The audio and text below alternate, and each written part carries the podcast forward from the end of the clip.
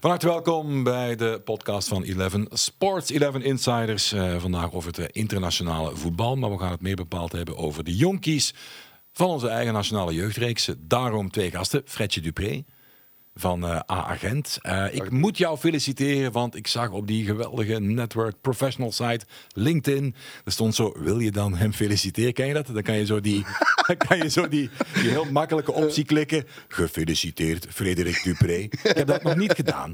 Maar nee, nee. waarom moest ik jou feliciteren? Ja, ik ben uh, dus terug bij de jeugd in Gent, als trainer bij de U16. Schuift dat zo goed? Hoe wilde zij schuiven? Verdienen.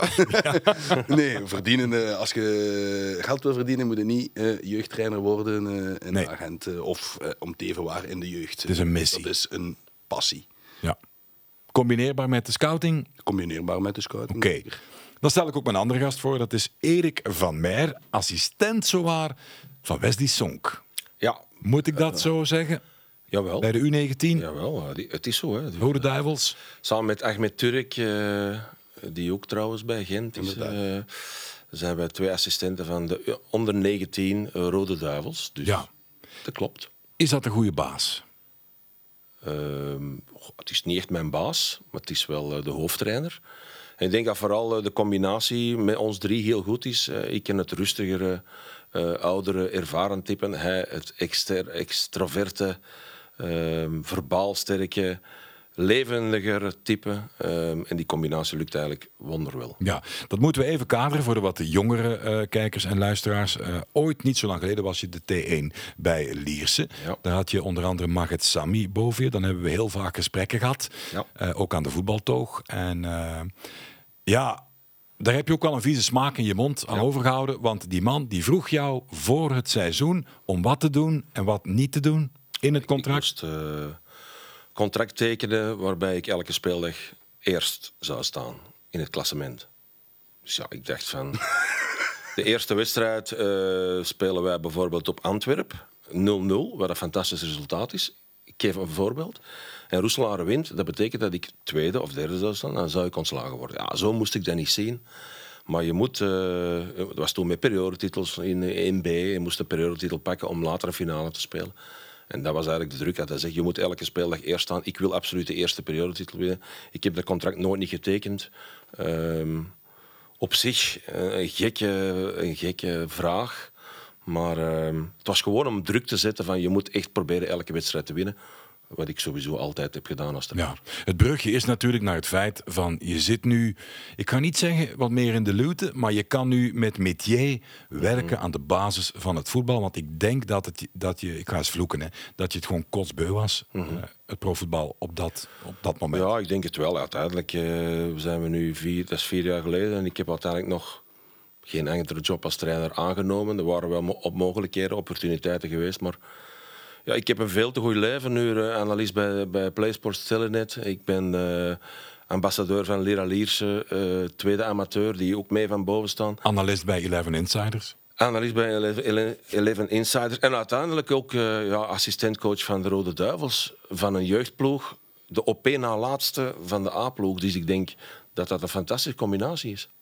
Is dat, uh, kan, je daar, uh, kan je dat volgen? Hoe hij naar de profvoetbal keek, competitie en dan toch wat meer misschien rust, voldoening vindt in dat uh, jongerenvoetbal, jeugdvoetbal? Uh, naar voldoening kan ik dat uh, zeker volgen. Hè. Ik denk, het profvoetbal is een harde wereld, hè. dat weet iedereen. Het is een speciale wereld. Hè. Dat is niet evident om daarin te werken. Hè. Daar is veel druk, hè. enorm veel druk. En inderdaad kom je soms zaken tegen met clubbestuurders mm -hmm. die uh, dingen vragen uh, die soms onmogelijk zijn. En bij de jeugd vinden inderdaad de basis terug. Hè, van jongens die nog graag voetballen, hè, die ambitie hebben, hè, die iets willen bereiken in het voetbal, die ja. een profcarrière ambiëren. En dan is dat inderdaad... Uh, dat geeft heel, heel, veel voldoening als je daar een steentje kunt aan bijdragen, uiteraard. Ja, in de groep met Spanje, Azerbeidzjan, Luxemburg gaat aardig 7 op 9, denk ik. Ja. Um, ja, tevreden over die gang van zaken? Want, want de leek zal zeggen ja, maar Azerbeidzjan en Luxemburg, daar denken ze dat een bal vierkant is. Mm -hmm. uh, weerleg dat is? Um, het was vooral de bedoeling om als groepswinnaar uit die poelen te komen. Hè. En dan weet je dat Spanje uh, misschien wel in mijn ogen het allerbeste land is op die leeftijd in Europa. Zou je uh, verwachten? Ja, en dat was ook zo. Dus de eerste twee wedstrijden gelukkig tegen Azerbeidzjan en Luxemburg mogen spelen, gewonnen, 5-1. En dan spelen die, ja, die finale, want het is eigenlijk een finale, tussen, want Spanje had ook twee keer gewonnen tegen elkaar. Ehm, we hebben het heel moeilijk gehad. Uh, we hebben een hele reeks van wedstrijden gespeeld, nu sinds uh, de september 2019. Um, waaronder Duitsland, waaronder Portugal, uh, waaronder Engeland, waaronder Frankrijk. En ik moet zeggen, ja, Spanje heeft mij echt wel... Ja, dat was echt wel de beste ploeg. Scenario van de match, komen 0-2 achter. En uiteindelijk kan je nog 2-2 maken, waardoor je dus wel groepswinnaar bent. Wat belangrijk is in de loting, want de groepswinnaars die krijgen een streepje voor. En dus 8 december is de loting voor de elite-ronde in maart. Ja. Uh, en als je daar doorkomt, want dat zijn dan 28 ploegen, uh, zeven poules van vier. Alleen de winnaars gaan door. Plus dan het organiserend land is Slowakije. Dan mag je in juni naar het EK. Liepen daar uh, allemaal kleine gavies rond bij Pedris, uh, bij, ja. bij Barcelona? Enorm, enorm gefocust op balbezit. Ja. Uh, dat onwaarschijnlijk. Is, dat is dus, Spaanse ploegen. Jullie komen elkaar tegen in dat circuit? Uh, wij zijn elkaar tegengekomen in Marbella. Oei, ik was, de golfclub. Uh, de golfclub, niet uh, op het voetbalveld. Dus wie, ik was, zei me dat onlangs? Iemand had toch eens een business opgestart met een, een golfbalrecuperator of zoiets. Ja? Die had er een zaak van, of was dat nu fictie? Die had er een zaak nee, nee, ik heb, gelezen, ik heb gelezen ja. Die had er een zaak van gemaakt om ballen die in het water geslaan worden, om een bedrijf te hebben dat die ballen recupereert. Ja, Wat was dat niet meer wie het was? In een docusoap, denk ik. Oh, man, man. Nou, kom er niet op. Maar vertel. Dus Marbella. ik zat in Marbella om te scouten, hè, om uh, ja, jonge talenten van andere landen ook uh, te leren kennen, hè, een beetje in kaart te brengen. Hè. En België was ook op dat uh, jeugdtoernooi. Het was een U19-toernooi in Marbella. en we hebben ze daar zien spelen tegen Frankrijk, wat een zeer goede wedstrijd was. Hè. Ja. Een zeer hoog niveau van beide, van beide teams. En daaraan zie je toch dat in België toch nog wel wat goede voetballers lopen. Maak eens concreet, met name. Oh, met name, wie is er mij daar opgevallen? Uh, Mario Stroeikens uh, is toch wel... Uh, Anderlecht, ja. aanvallend ingesteld. Heel jongen. belovend. ik denk dat dat toch wel een hele goeie is. Luca Ooyen deed ook mee. ook toch een hele goede voetballer. Dus er zit inderdaad nog wel wat talent in België. Zou Stroeikens, want die zit er natuurlijk ook dichtbij. Hè, daar in die, die A-kern bij, bij Anderlecht. Zit hij er dicht tegen, denk je, om... Een paar keer op de bank gezeten. Ja, maar om, om echt ja, een kans te krijgen, als, is dat nog... Dat is 2004, hè, Mario. Ja. Dus een van de jongste van de, van de ploeg. Ja, als je dan een Bamba ziet bij Brugge, dan klimmen Ja, die is 2005, hè, een Bamba. Ja, absoluut. Maar dat is een andere positie. In middenveld ja, is, is iets anders dan een spits. Ja, ja, dat is Mario is, uh, is een talent, talentvol. Ja, het, het, het zou zomaar, zomaar kunnen, maar je moet op een bepaald moment dat je een kans kan, krijgt... Kan hij niet in feite nog bij U18 spelen zelf? Maar dit ja, wel in wel, U19. Ja, dus dat maar op een bepaald moment, Dave, als je een kans krijgt, moet je moet je toch een, uh, ja, moet je iets betekenen in die ploeg. Hè. Je, je, mag niet zomaar uh, 70 minuten meespelen. De belangen zijn veel te groot. Hè. Ja. Ik bedoel, uh, zoals gisteren bij Anderlecht waren er geen jeugdspelers meer. Ik vind dat heel spijtig. Dat zal wel zijn redenen hebben. Hè. Dat betekent dat ze nog niet klaar zijn. Nee, ik denk dat ik ooit commentaar heb moeten geven bij het debuut, of toch de tweede wedstrijd dan, van Cisse Sandra. En na de wedstrijd dacht ik van, was, wat is ja. met dat voor een speler? Die kwam met lef, met brani, die dook overal op de goede plekken op. En die speelde zonder complexen, alsof hij daar al een jaar met dat elftal speelde. Klopt. Ik heb, uh, Trekt hij dat door, die lijn? Ja, die eerste stage was in, uh, denk ik in september, was in Portugal. Dan uh, in oktober hebben we elkaar gezien in, in Marbella. En nu zijn wij terug van Luxemburg. En ik moet zeggen dat Sisse in die drie uh, momenten uh, een ongelooflijke evolutie heeft gemaakt. Ook thuis gespeeld de wedstrijd tegen, Be tegen Deinze voor de beker met club, ja. waar hij twee kansen mist. Eén moeilijk, maar die laatste moet hij zeker binnentrappen. En van de week, ik denk, was het nu tegen Luxemburg, scoort hij drie goals. Dat is... Dus ja, natuurlijk een speler die wel geprofiteerd heeft van dat jaar dat Club Brugge in, ja, in die next, die ja. daar een enorme ja. progressie gemaakt ja. heeft, die dat zeer goed verteerd heeft. En nu, uh, ja. Daar was wel een groot verschil als uh, Keibus meedeed, uh, Kuipertje en uh, de andere van de Bremt. Die erbij of niet, dat was soms 6-1 of 1-1. Ja, ja, uiteraard. Ja. Groot verschil. Die doen het nu trouwens ook bijzonder goed bij Westerlo. Hè? En Van der Bremt is regelmatig in de ja. Dus Mhm. die jongens hebben een Ja. hele, hele goede progressie Tip gemaakt. nog eens iemand? Wie, nog iemand onthouden in, die, uh, in het scouten? Van de gasten, wie zit daar nog bij?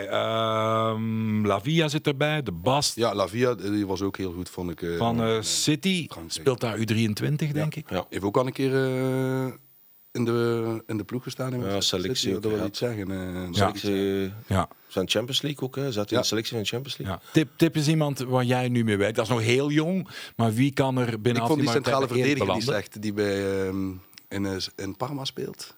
Daan Dirks. Ja, die, die was toch ook stevig. eh, Ja. eh, die deed dat ook niet slecht eh, centraal van achter. Ze winnen trouwens die wedstrijd tegen Ja. eh, Frankrijk. Dus Ja. Is dat, is dat gezond, die gang van zaken? Dat eh, jongens steeds vroeger, dat is al een trend die is al heel lang bezig. Misschien begonnen met eh, vanuit Beerschot, Vertongen, Vermalen, de gasten die allemaal snel vertrokken. Eh, ja, nu speelt iedereen bijna met, met talent vanaf zijn 14, 15, 16. Er zijn er vaak die, die snel vertrekken, hè? Ja, Goeie ik vind- trend? Ik vind dat we ze zo lang mogelijk moeten proberen te houden. Alleen ja, op een bepaald moment krijg je verhalen zoals Musonda, supertalent die dan weggaat. Uiteindelijk komt er niks van. Lavia heeft een keuze gemaakt om naar Manchester City te gaan. Ja. Ehm, had nu wel in de eerste ploeg van Anderlecht kunnen spelen. Maar ja, goed, ik denk dat hij daar perfect omringd is. En eh, ja, is in mijn ogen wel een van de grootste talenten die er Ja. zit aan te komen. Hoe zie jij dat, Fred? Van, eh, er is een groot verschil tussen jongens die goed omkaderd zijn, eh een goede thuis hebben, eh, verstandige ouders die dat meebepalen. Of jongens die wat meer op drift zijn en, en, en die dan misschien een makelaar hebben die andere plannen heeft. Hoe belangrijk is dat? Ik denk dat, eh, dat dat zeer belangrijk is. Eh, allee, ik bedoel om eh, zo lang mogelijk in België te blijven. hè. de verhalen van spelers die naar buitenland gaan, denk er zijn te veel gevallen van waar dat het niet lukt. Hè. Dus ik denk dat we zo lang mogelijk in België moeten kunnen blijven spelen. En hier in de eerste ploeg proberen te raken. Hè. Ik denk dat als je dat kunt bereiken, dan je al op de goede weg. En vaak is het dus zo dat ja, spelers zich soms laten begeleiden door makelaars die niet altijd het beste voor hebben met een speler. Ik heb dat al een paar keer kunnen ondervinden. Hè. Geef eens een voorbeeld. Je moet er geen naam op plakken. Maar Nee, ik ga er wat- geen, eh, naam nee, maar op wat plakken, gebeurt er exact? Zonder dat de ze naam. niet eh, de belangen van de speler behartigen. Hè. Ik als trainer denk dan soms van, ja, hè, geef de jongen nu de goede raad om hier nog een jaar te blijven. Hè. Ja. De- eh, hij is hier goed, hij is, hij is belangrijk, hij kan hier zich evolueren, de club gelooft in hem. En dan komen ze toch af met andere opties en andere eh, ploegen, hè, waar ze misschien iets meer kunnen verdienen, maar dat is niet altijd eh, de goede optie dan. En ik vind een jonge gast moet soms een keer een jaar of soms twee seizoenen in zichzelf investeren, in zijn carrière investeren. En eerst proberen om in zijn ploeg, hè, dat hij in de jeugd gespeeld heeft, misschien door te breken ehm, in België. Hè. Ik denk dat dat zeer belangrijk is. Niet te snel willen veranderen om al meer geld te verdienen. Vind ik ook eh, wel. eh, en eh, ouders spelen daar een heel belangrijke rol in. En zouden er nog een belangrijke rol in moeten spelen. Ja. Waarom? Omdat, omdat eh, dikwijls is het, het gaat dikwijls om geld. Allee, Tuurlijk. meestal om geld. Fred. Ik bedoel, je kan ergens anders in plaats van 500 euro op de maand 5000 euro verdienen. Ja. Oh, geweldig. Maar die jongen is dan weg. Eh, ouders gaan waarschijnlijk niet mee. En dan zit hij daar helemaal alleen. Eh, ik vind dat, ja, ik, ik vind het spijtig. Ja. Maar uiteindelijk is het de speler zelf en de ouders, de familie, die beslist wat er gaat gebeuren. Ik ga er even iets tussendoor gooien. Daar hadden we het over in de coulissen, eh, Erik. En ehm, ik vind dat dat wel mag gezegd worden. Er zijn vaak heel veel verhalen als, als Mertens bij Anderlecht dan eh, gemist wordt of ergens anders. Dan is dat dan de schuld van dat huidige best- van dat bestuur van toen of van dat sportief beleid. Maar dat is onzin. Een speler kan in een bepaalde evolutie nog niet klaar zijn voor een bepaalde stap. Dat ga jij ook ooit op je bord krijgen. Want bij QPR Ja. staat er een jongen op 10, denk ik. Marokkaans Ja. international. Ilias Cher. Hoe Cher, ja. Voilà. Ja. Die heb jij bij Lierse gehad. Eh, Klopt. En dan zeggen ze, ja, Van Mij heeft dat niet gezien. Klopt. Is natuurlijk onzin, want ja, we spreken over t- 2016. eh heel de hoop academiespelers bij Liers gekomen. had al wel talent toen. had wel talent, maar Goeie was, voetballer. was ja, denk nog zeker 10 centimeter kleiner dan nu. We spreken over vijf jaar terug. Eh, jongen, met fantastische mentaliteit. Hè. En ik had heel veel spijt dat ik hem niet kon laten spelen. Maar ik had daar eh, Masika, ik had de Benson, die nu eh, toch ja, furoren maakt. Je hebt uh, Anas Tahiri, Sabir Bougrin. Dat zijn jongens die het allemaal nu beter Ja, gemaakt op redelijk niveau. Ja. ja, en uiteindelijk is eh Ilias dan komen vragen van ja, mag ik weg? Ja, geen enkel probleem. Ehm, je moet ergens anders aan spelen. Toe Maar werd er toen niet gelachen met ja, het er dat eh, hij... QPR eh, en iedereen zegt van ja, Wat is gaat dat dan, is naartoe? dat, gaat, gaat je daar dan eh je, je mannetje staan? En hij zegt ja, ik ben vastberaden, ik ga dat doen. Dus ik vind dat ongelooflijk fantastisch goed. Wel knap voor hem. Ja, ik vind dat heel goed. En ik heb nog soms contact met zijn papa. Fantastische ouders, ook eh, alle twee. En eh, ik ben echt heel blij. En ik hoop dat hij volgend jaar eh, een fantastische transfer mag maken. Ehm, er zijn voorbeelden genoeg van QPR die naar de Premier League zijn. En ik hoop echt, hij is Marokkaans international, speelt ook altijd mee. Had Belg kunnen zijn, Belgisch Ja, international. goed, maar dan... Dat is, Ja. Dat is al lang geleden allemaal. Hè. Dus ik hoop dat hij het haalt. Ja. Ehm, je, je zei het er net, 8 december weten we, eh, elite Ja. ronde, laatste voorronde voor het EK. Ehm, ja, dat is voor ons een beetje een blinde vlek. Hè. vlek. Eh, Waar moeten we voor opletten? Wat zijn de landen die we kunnen treffen? Het Wie blinkt daaruit? Dezelfde Dezelfde? landen. Hè. Portugal, eh, je hebt Frankrijk, waar Fred die wedstrijd heeft gezien. Moeilijke match. Engeland is er ook altijd bij. Duitsland heeft een slechte periode gehad. Die hebben 4 op 9. Hannes Wolf is daar nu trainer, de ex-trainer van eh, Genk, van de U19. Je hebt altijd eh, moeilijke ploegen. Ja. Ja, Rusland en Georgië, dat zijn zo ambetante landen. Maar ik, ik vind dat we... We moeten van niemand schrikken, maar alleen moeten we ook geen eh, misplaatste arrogantie hebben van "Ja, nu België zal het eens allemaal doen. Dat hebben we nooit gekund en dat zal ook nooit zijn. Nee, pakken we de U21 er is bij, zeker van barrages voor het EK in Georgië. Straf 2023 inderdaad is dat. Eh, 18 op de 18, eh 5 clean sheets op een rij, 13 goals gemaakt, eentje tegen. Daar kan je mee thuiskomen. Daar kunnen zeker Hoe kijken we naar de kern van de belofte, van de nationale belofte momenteel, de sterkte daarvan? Ja. Ik weet niet of dat ze al echt eh, getest zijn, want eh, de ploegen waar ze tegen speelden, denk ik niet zijn, is niet de top in Europa. Hè? Voorlopig toch nog niet. We zullen zien eh, als ze in een ander stadium komen, dat ze toch meer getest zullen worden tegen betere ploegen, hoe goed dan we zijn. Maar er zitten zeker talenten bij. Hè? In elke lichting van Belgische nationale ploeg zit er talenten. Hè? Ja. Hoe gaat dat ze evolueren naar de toekomst toe? Dat is de vraag. Hè? Gaan ze die stap nog zetten? Of sommigen spelen al in de eerste ploeg. Sommigen moeten daar nog komen of zitten op de rand van hè, de eerste ploeg. Hè? Hoe gaat dat zich verder evolueren? Dat is eh, de speler En, alleen en niet zelf. geen eh. Hè. Op Penda, nee, geen jongens, op. Penda, daar kunnen we toch niet omheen. Zeker hè? niet. Vertessen. Vitesse. Van, ja, van PSV. Je hebt Matazzo van Monaco, Onana van Lille, Franks.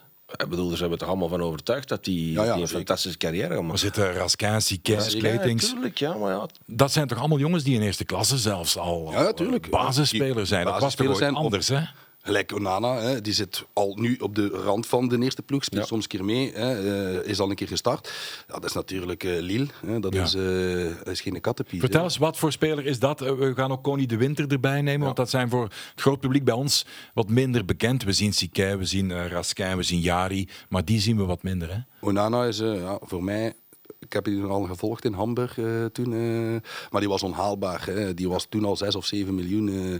dus dat was ja, enorm sterk in de recuperatie. En ook voldoende voetbalkwaliteiten. Hè. Dat is een combinatie van beide. Dus dat zal zeker iemand zijn die, denk ik, een, een mooie carrière zal maken in, in het voetbal. Dat wordt Europees subtop. Dat zal top. toch ja, daar naartoe gaan, denk ik. Ja. Wat voor competitie? Een voorkeur? Waar zie je hem terechtkomen? Goh. Engeland denk ik wel eh, met zijn eh, postuur dat hij daar eh, in het middenveld eh Chelsea dus. kan maken. Misschien. Ja. Misschien. Eh Connie, Connie is een heel elegante centrale verdediger. De Winter. Speelt bij Juventus, inderdaad. Connie de Winter, 2002. Eh voetballend vermogen enorm hoog, maar ook eh, zeer snel. Hij is een meter 90, maar toch heel genoeg snelheid. Maar hij moet ook een goede stap maken. Ik denk dat hij nu bij Juventus eh, de kans miniem is dat hij in de A-ploeg zal geraken. Hij moet dus, er was er sprake van naar Brugge, Club Brugge. Ja, denk dat dat- Peters naar Ja, ik denk dat dat een goede, goede stap is. De jongens moeten aan voetballen toekomen. En eh, je mag dan wel zeggen, ja, ik zit in Juventus en dat zal wel heel knap zijn. En dan zal hij ook wel een boterham verdienen, maar hij moet voetballen. En je ziet dat hij nu bij die nationale ploeg, dat die, dat, dat een vaste waarde is. Eh, Jackie speelt met drie achterin en hij is een van die drie, links, midden of rechts, dat maakt niet uit. Maar eh, ja, een goede voetballer. Hè. Maar hij moet inderdaad zo snel mogelijk een team vinden, misschien in de winterstop al, waar hij titularis is tot eh, juni. pak eens een prijs. De belofte? Ik denk het wel. Kijk eens aan, dat is mooi. Eh, laten we afronden met een korte duik in jullie eigen internationale verleden. Want je hebt ook wel wat caps gepakt. Fred Dupré, weet je het nog? Nul caps. Ja, maar toch bij de jeugd wel. Ja, bij de jeugd. Ja. Je hebt, je hebt tegen IJsland gespeeld. eh, je hebt dat? 5-0 gewonnen tegen San Marino. Hoe weet met, jij dat allemaal? Maar jongen, met Salievski, met Van Dessel, met Renard, met, met Laurent Delorge, Dieter de Kelder. Ja, inderdaad. Wat is je mooiste herinnering aan het internationale voetbal? Oh, aan het internationale voetbal. Ja. ja je hebt tegen eh, IJsland verloren, man, met 0-1. Ook, ja, dat is waar. Een keer gewonnen, een keer verloren tegen ervan, Duitsland. Hè? Hoe, dat, weet jij dat allemaal? Maar ik denk dat hij nog meer schrik heeft van een, misschien een Dat is andere vraag die nog gaat komen. Hoe weet hij dat allemaal? Ja. Ja, inderdaad. Nee, ja, dat was, eh, ik heb daar een paar schone toernooien gespeeld. eh, Dus ja, dat is plezant. Hè. Wat was je groot, grootste stommiteit bij de nationale ploeg? Dat, was hetgeen net dat, dat dat op hè. wachten was. Nee, ja, eh, is van die keer dat ik tegen de deur gelopen heb. Nee. Ik weet het niet. Nu weet ik oprecht totaal niet wat er gaat komen. Nee. Ik vis naar niks, maar nu je ik heb dus een keer eh, op een een of ander toernooi in Italië. Eh, waren we naar de bank gegaan. Hè. We moesten trainen om tien uur of half elf, dat weet ik niet meer. En dus we waren na het ontbijt direct naar de bank gegaan voor geld af te halen. En er was een probleem bij een van ons, ik weet niet meer wie, zijn kaart was ingeslikt. Dus ja, we moesten dat beginnen uitleggen daar. Het was in Italië. Dat in het Italiaans bij, de, bij die bank van die kaart is ingeslikt. En dit. Allee, na veel vijven en zessen krijgen we die kaart al terug. Maar het was de tijd om te gaan trainen. Dus wij lopen snel naar dat hotel. Het rap ons kleren aan. Ik loop naar beneden. En dat was een schuifdeur. Die stond normaal altijd open. En ik kom beneden en die was dicht. Ik ben daar gewoon vol opgelopen op die schuifdeur. En ja, dat lag hier volledig. Ik had een beetje een lichte Helemaal aan dealen? Vol- Die eerste, dat eerste was volledig aan het degelen. Dat was volle snelheid. kwam van die trap recht en door. Bam er tegen. Dus ja, ik heb daar dan eh, even eh, toch van een dag eh, eh, hoofdpijn en eh, Ja. hier genaaid aan mijn lip.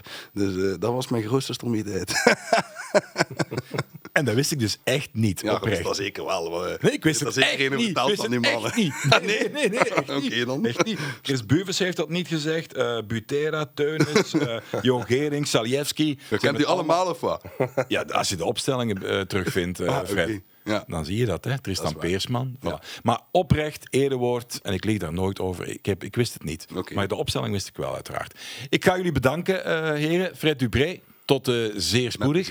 En Erik van Meer, ook Ja, jij. eh, hartelijk bedankt om eh, erbij te zijn. Je kan het allemaal herbeluisteren, wat je maar wil herbekijken. YouTube enzovoort, waar je maar wil. Tot de volgende. Bye bye.